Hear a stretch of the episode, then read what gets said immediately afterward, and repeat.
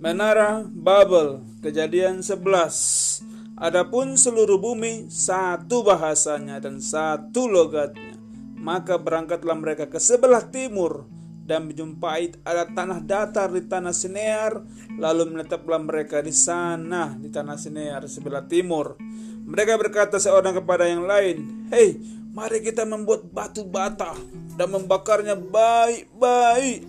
Lalu batu bata itu Lalu batu bata itu pakainya mereka sebagai batu dan ter gala-gala sebagai tanah liat. Juga kata mereka, mari kita dirikan bagi kita sebuah kota dengan sebuah menara yang puncaknya sampai ke langit. Jadi dibuat menara sampai ke langit. Dan mari kita cari nama supaya kita jangan terserak ke seluruh bumi. Lalu turunlah Tuhan untuk melihat kota dan menara yang didirikan oleh anak-anak manusia itu dan ia berfirman, mereka ini satu bangsa dengan satu bahasa untuk semuanya. Jadi mereka itu satu bahasa, satu bangsa. Dan ia berfirman, mereka ini semua dan mereka ini satu bangsa, satu bahasa untuk semua.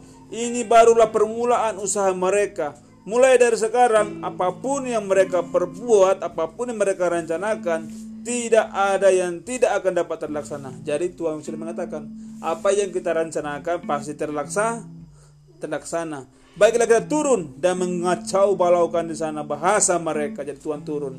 Sehingga mereka tidak mengerti lagi bahasa masing-masing. Demikianlah mereka diserahkan Tuhan dari situ ke seluruh bumi dan mereka berhenti mendirikan kota itu. Itulah sebabnya sampai sekarang nama kota itu disebut apa? Ba Babel. Karena di situlah dikacaukan Tuhan bahasa mereka, bahasa seluruh bumi. Dan di situlah mereka diserahkan Tuhan ke seluruh bumi keturunan Sem. Keturunan Sem. Inilah keturunan Sem. Setelah Sem berumur 100 tahun, ia memperanakan Arpaksat dua tahun setelah air bah itu.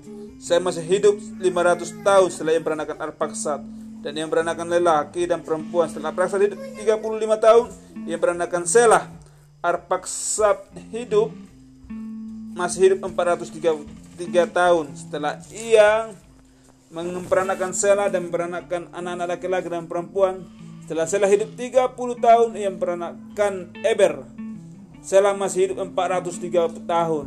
Setelah ia memperanakan Eber, ia memperanakan anak laki-laki dan perempuan. Setelah Eber hidup 3 Eber hidup 30 34 tahun. Ia memperanakan Pelek. Eber masih hidup 430 tahun. Dan memperanakan Pelek peranakan anak-anak laki-laki dan perempuan. Setelah Pele hidup 30 tahun, ia peranakan Rehu. Pele masih hidup 290 tahun setelah ia peranakan Rehu, ia peranakan anak laki-laki dan perempuan. Setelah Rehu hidup 32 tahun, ia peranakan Seruk, Seruk namanya. Rehu masih hidup 277 tahun, ia peranakan Seruk dan ia peranakan anak laki-laki dan perempuan. Setelah Seruk hidup 30 tahun, ia peranakan Nahor. Seruk masih hidup 200 tahun setelah ia peranakan Nahor yang peranakan anak laki-laki dan perempuan. Setelah Naor hidup 29 tahun, ia memperanakan Tera. Tera. Nahor masih hidup 119 tahun setelah ia memperanakan Tera, ia memperanakan anak laki-laki dan perempuan. Setelah itu hidup 70 tahun ia memperanakan Abram, Nahor dan Haran. Jadi bapaknya si Abram siapa?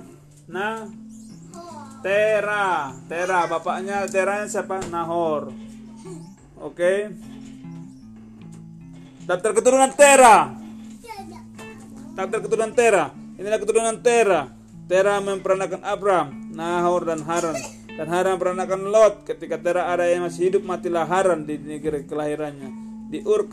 Abram dan Nahor kedua-duanya kawin.